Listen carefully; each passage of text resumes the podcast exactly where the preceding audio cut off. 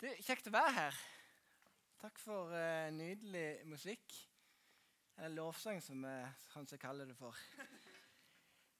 Du, så uh, Sondre sa til alle lederne som var her før møtet begynte, så sa han at uh, dere er utrolig heldige som får lov til å gå i så bra arbeid. Og det kan jeg òg si, Jeg har reist rundt i ganske mange plasser i Norge og vært mye ungdomsarbeid. Så er dere veldig heldige som får lov til å komme til det her.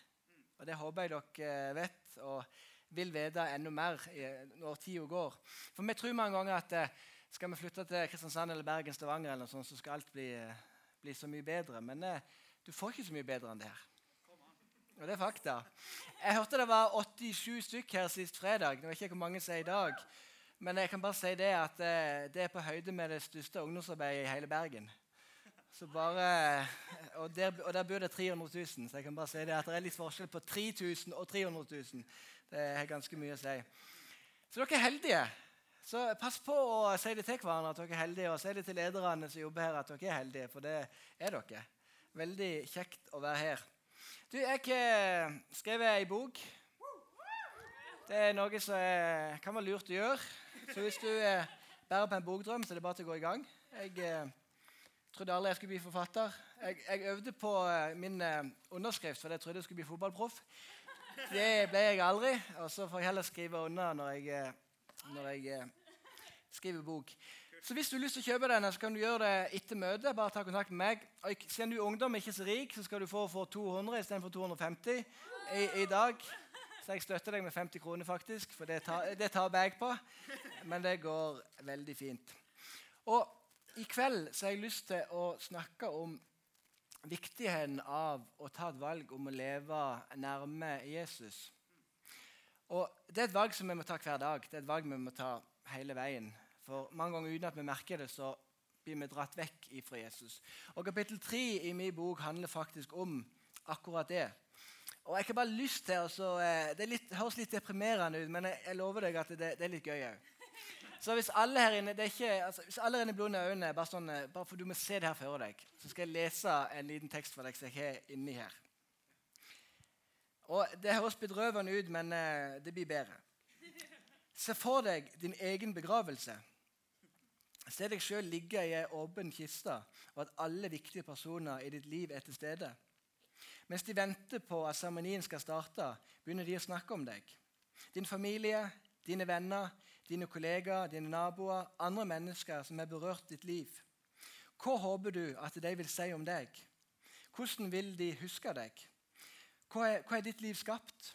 Hva vil du at barna dine når du får det, og vennene dine skal si i sine taler?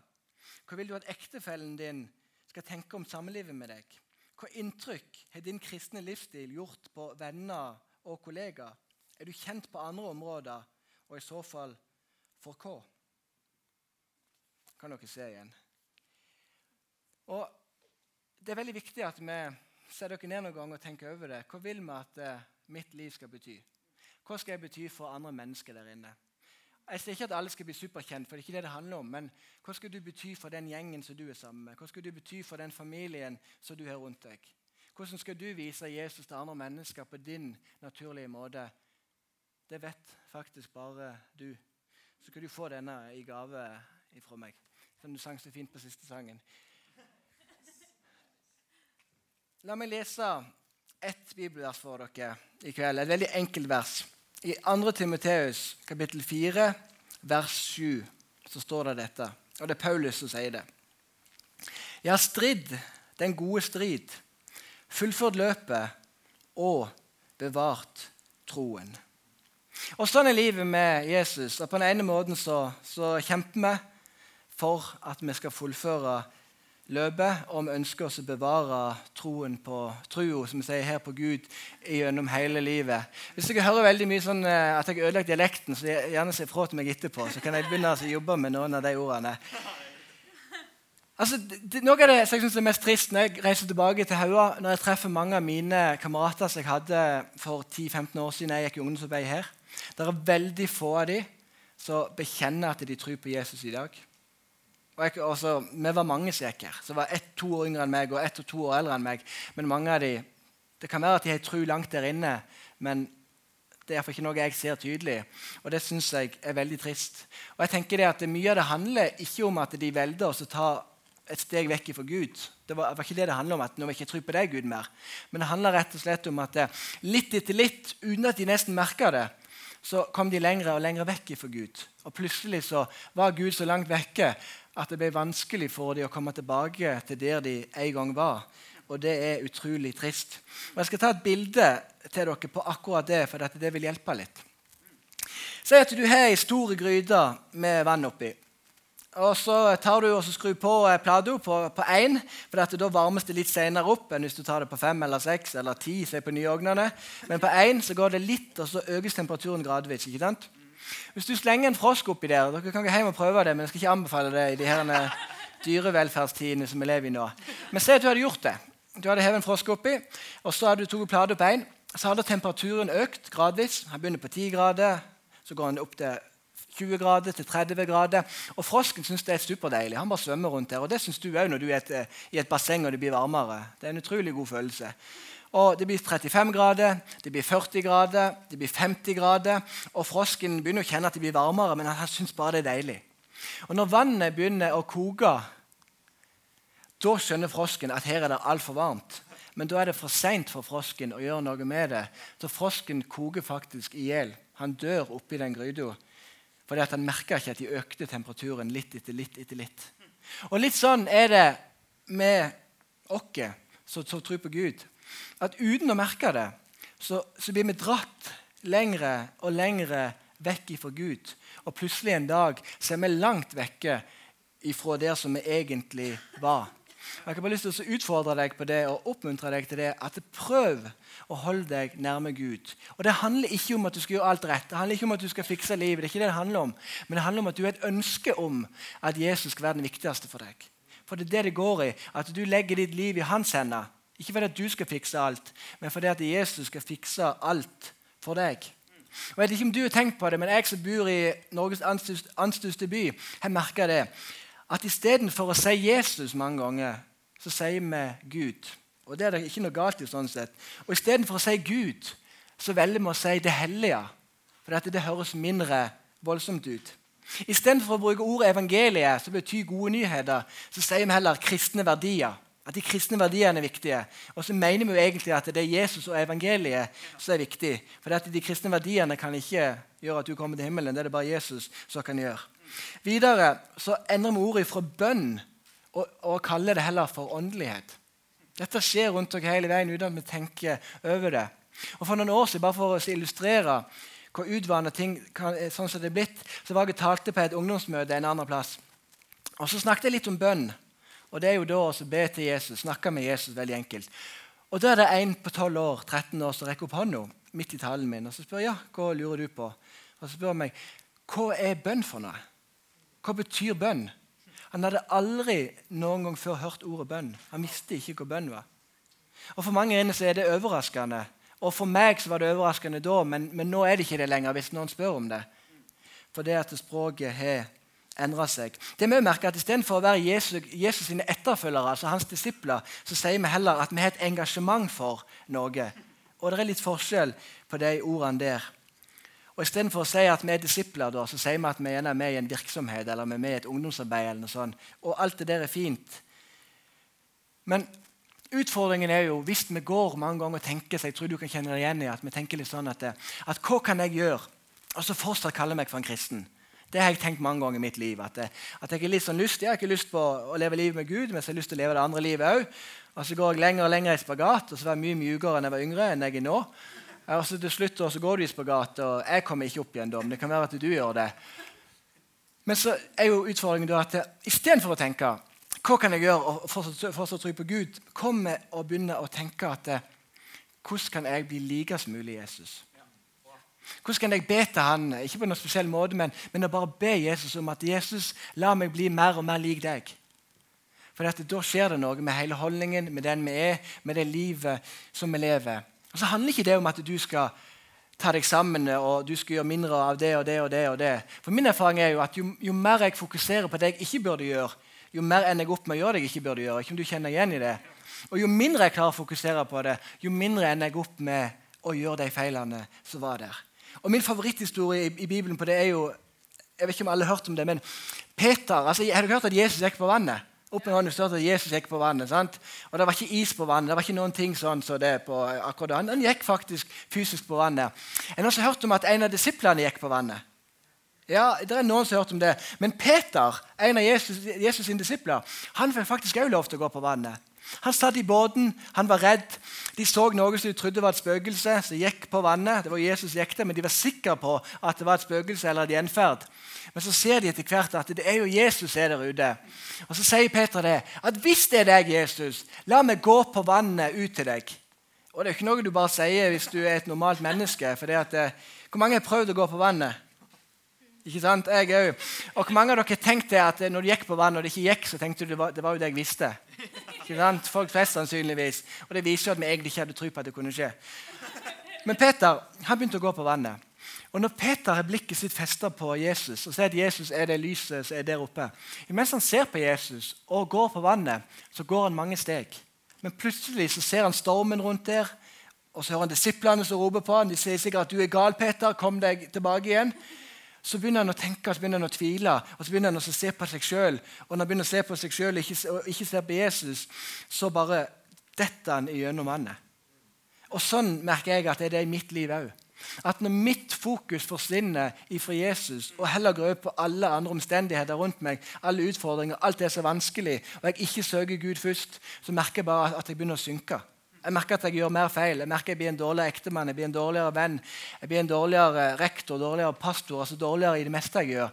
Men hvis jeg da klarer å snu blikket igjen og så se opp på Jesus, så merker jeg at det skjer noe i livet mitt. Og Det handler ikke om at jeg tar meg sammen. Det handler ikke om at jeg skal gjøre sånn og sånn, men det handler om at jeg sier at Jesus, jeg er lei meg.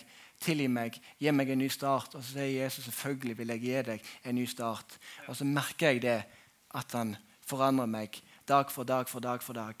Men utfordringen blir jo det noen ganger når vi, når vi glemmer det. Vi glemmer å be om, den tilgivelsen. Vi glemmer å lese i Bibelen. Vi glemmer å be til Gud. Og uten at vi merker det, så forsvinner vi lengre og lengre og lengre vekk ifra det som egentlig var tenkt for ditt liv og for mitt liv. Jeg er 31 år nå, og jeg blir 32 i år.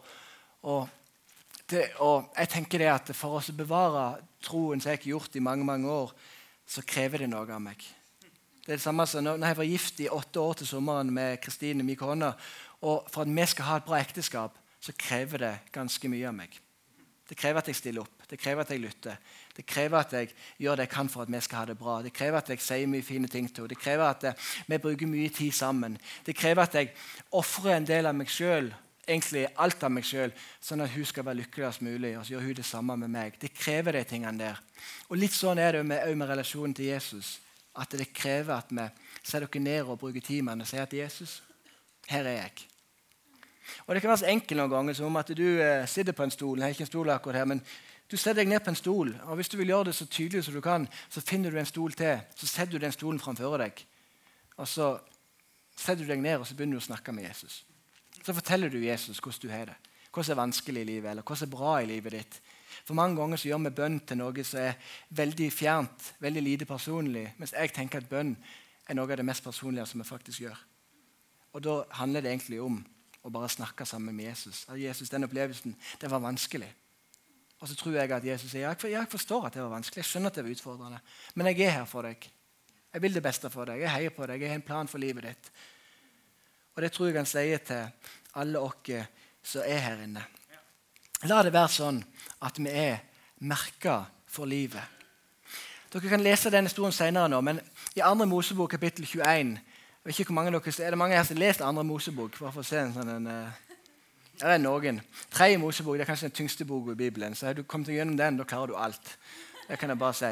Men I 2. Mosebok kapittel 21 så er det, er det en historie som jeg syns er kjempesterk, og som kan illustrere, jeg viser dette på en veldig god måte. På denne tida her jeg er ikke for slaveri, jeg skal bare få, bare få sagt det, men denne historien handler om det. Det var en annen periode. Det kan vi snakke mer om senere, hvis jeg skal gå dypere på det, men det bruker ikke tid på nå. Men Da var det iallfall vanlig å ha slaver. Og da var det sånn at Du hadde en slave i seks år, og det sjuende året du hadde slaven, da fikk han fri. Så Da fikk han faktisk ett år fri. Han hadde jobbet hardt i seks år. Han fikk ett år fri der han bare kunne gjøre akkurat det han ville. Det er et ganske fint liv. Jeg kunne godt ha tenkt meg å ha hatt akkurat sånn. Seks år arbeid, ett år fri. Seks år arbeid, ett år fri. Det var sånn det var. Og så, når han hadde det året fri, så skulle da slaven finne seg en ny herre. Så sier jeg at eh, Han var hos Sondre de første seks årene, men så var han ikke helt fornøyd med å være hos Sondre. Eh, så eh, er jo du gift med Maria, men jeg bruker deg som eksempel nå. Så vil han heller være hos deg da, i, i, seks år etterpå. Men slaven kunne òg velge at hvis han hadde det godt hos den herren, hos den sjefen som han hadde, så kunne han si til sjefen at du, jeg syns det er så kjekt å være sammen med deg, Sondre.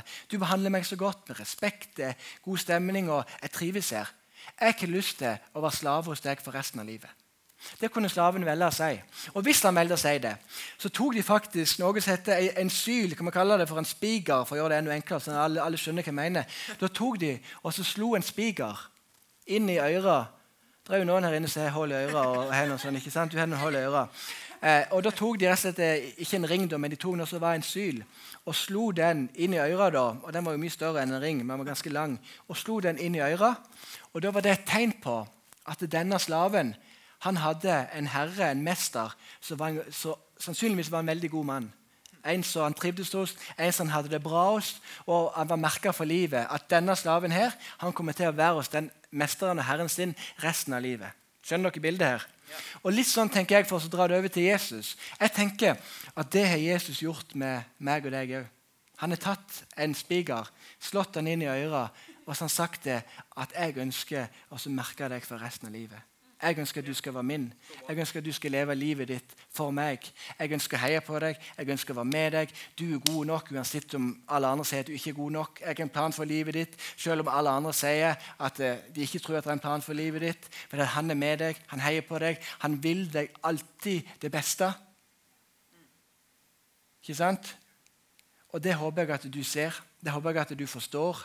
Så uansett hva du har gjort og kommer til å gjøre, så bare hør på meg nå. Du kan alltid komme tilbake til Jesus og si at 'Jesus, jeg er lei meg. La meg begynne på nytt.' Og så får du lov til å begynne på nytt. Og det må vi aldri glemme. Så kunne jeg sagt mye om at du burde gjøre det og det og det for å holde deg nærme Jesus, men uh, kjøper du boka mi, så står det der. sant? Så jeg kan bare si det så, det så enkelt som det. At, uh, og hvis du i morgen har lyst, så er det veldig gøy hvis du kommer på gudstjenesten klokka 11. Eh, for Da skal jeg snakke om nåde og litt sånne ting rundt det. Så jeg tror det var veldig viktig for alle her inne å høre. For det, at, eh, det tror jeg vil gjøre det lettere for deg. Ellers kan du lese kapittel 1 i boka mi. Så det er mye du kan gjøre. Så jeg kan bare henvise meg til det. Poenget, poenget mitt er at la det være sånn med livet ditt. La det være sånn med livet mitt at jeg fullfører det løpet som Gud har starta livet mitt, som vi leste i starten om Timoteus. At Legg livet ditt i hans hender hver eneste dag. Kjenner du at du blir dratt vekk, så bare si til Jesus at det drar meg tilbake igjen. Fordi at Jeg er 31 år, blir 32 år i år. Jeg skal love deg det, at det er mange ganger jeg ikke kjent at jeg blir dratt i alle mulige retninger. Også mens jeg har sagt at Gud drar meg tilbake igjen. Og så kjenner jeg det. Og så blir det sånn at Vi var veldig brennende når vi var 16-17-18. Så møter du en del 30-åringer, og så er det jo ikke en brann i det hele tatt. De tror på Gud, men de lever som om at den ikke fins. Og da tenker jeg at, eh, at, La ikke det bli sagt om livet ditt. La ikke det bli sagt om mitt liv. For Jeg føler meg mer brennende nå enn noen gang har vært. Og Det handler ikke om meg, men det handler om at jeg legger livet mitt i Guds hender. Og da skjer det noe. Ok? Kan jeg få lov til å lure opp eh, Thomas? Egeland Støle? Det er en god, altså Gi ham en applaus. Altså, det er en helt.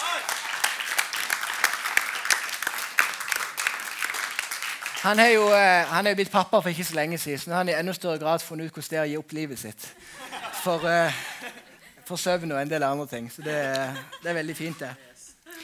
Du, hvis du uh, Jeg gjør det sånn, og ble utfordra på det, at hvis alle her inne blunder øynene Så hvis du er her inne, og sånn som jeg ikke har lyst til å gjøre det, og du har lyst til å altså bare ta imot Jesus fordi at du ikke har tatt imot Jesus før Altså noe sånn konkret at ja, Jesus, jeg ønsker fra dag av så tro på deg og leve livet ditt for deg. Så kan du få lov til der du sitter nå, og så rekke opp hånda di til Gud med en gang akkurat nå. Så ser han deg. Dette er jeg mellom deg og Gud. sant?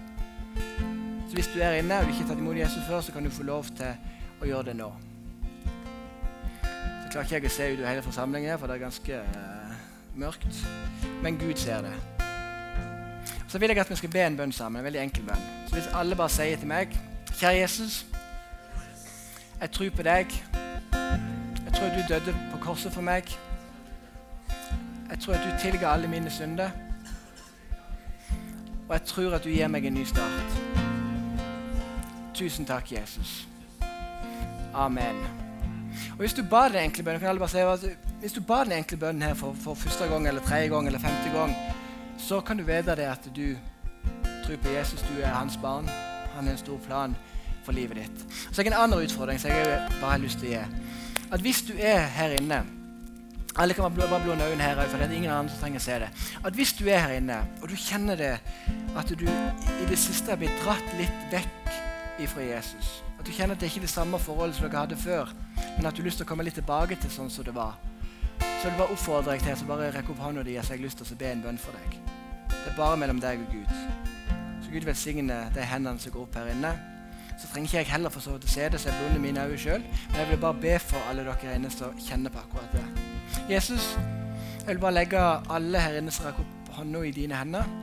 Og de som kjenner hjertet sitt, at de er kommet litt på avstand for deg, det bare legger jeg i dine hender, far. Jeg ber deg om at de skal kjenne det i kveld.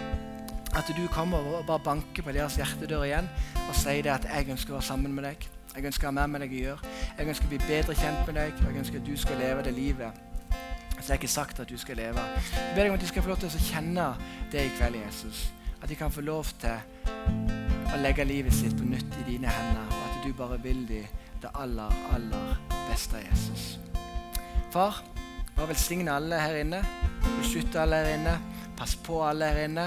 Og bare vis hvor utrolig stor din kjærlighet er til alle unge og eldre og midt på tre år ser innenfor. Det ber jeg om, Jesus. Legg alle i dine gode hender. Amen.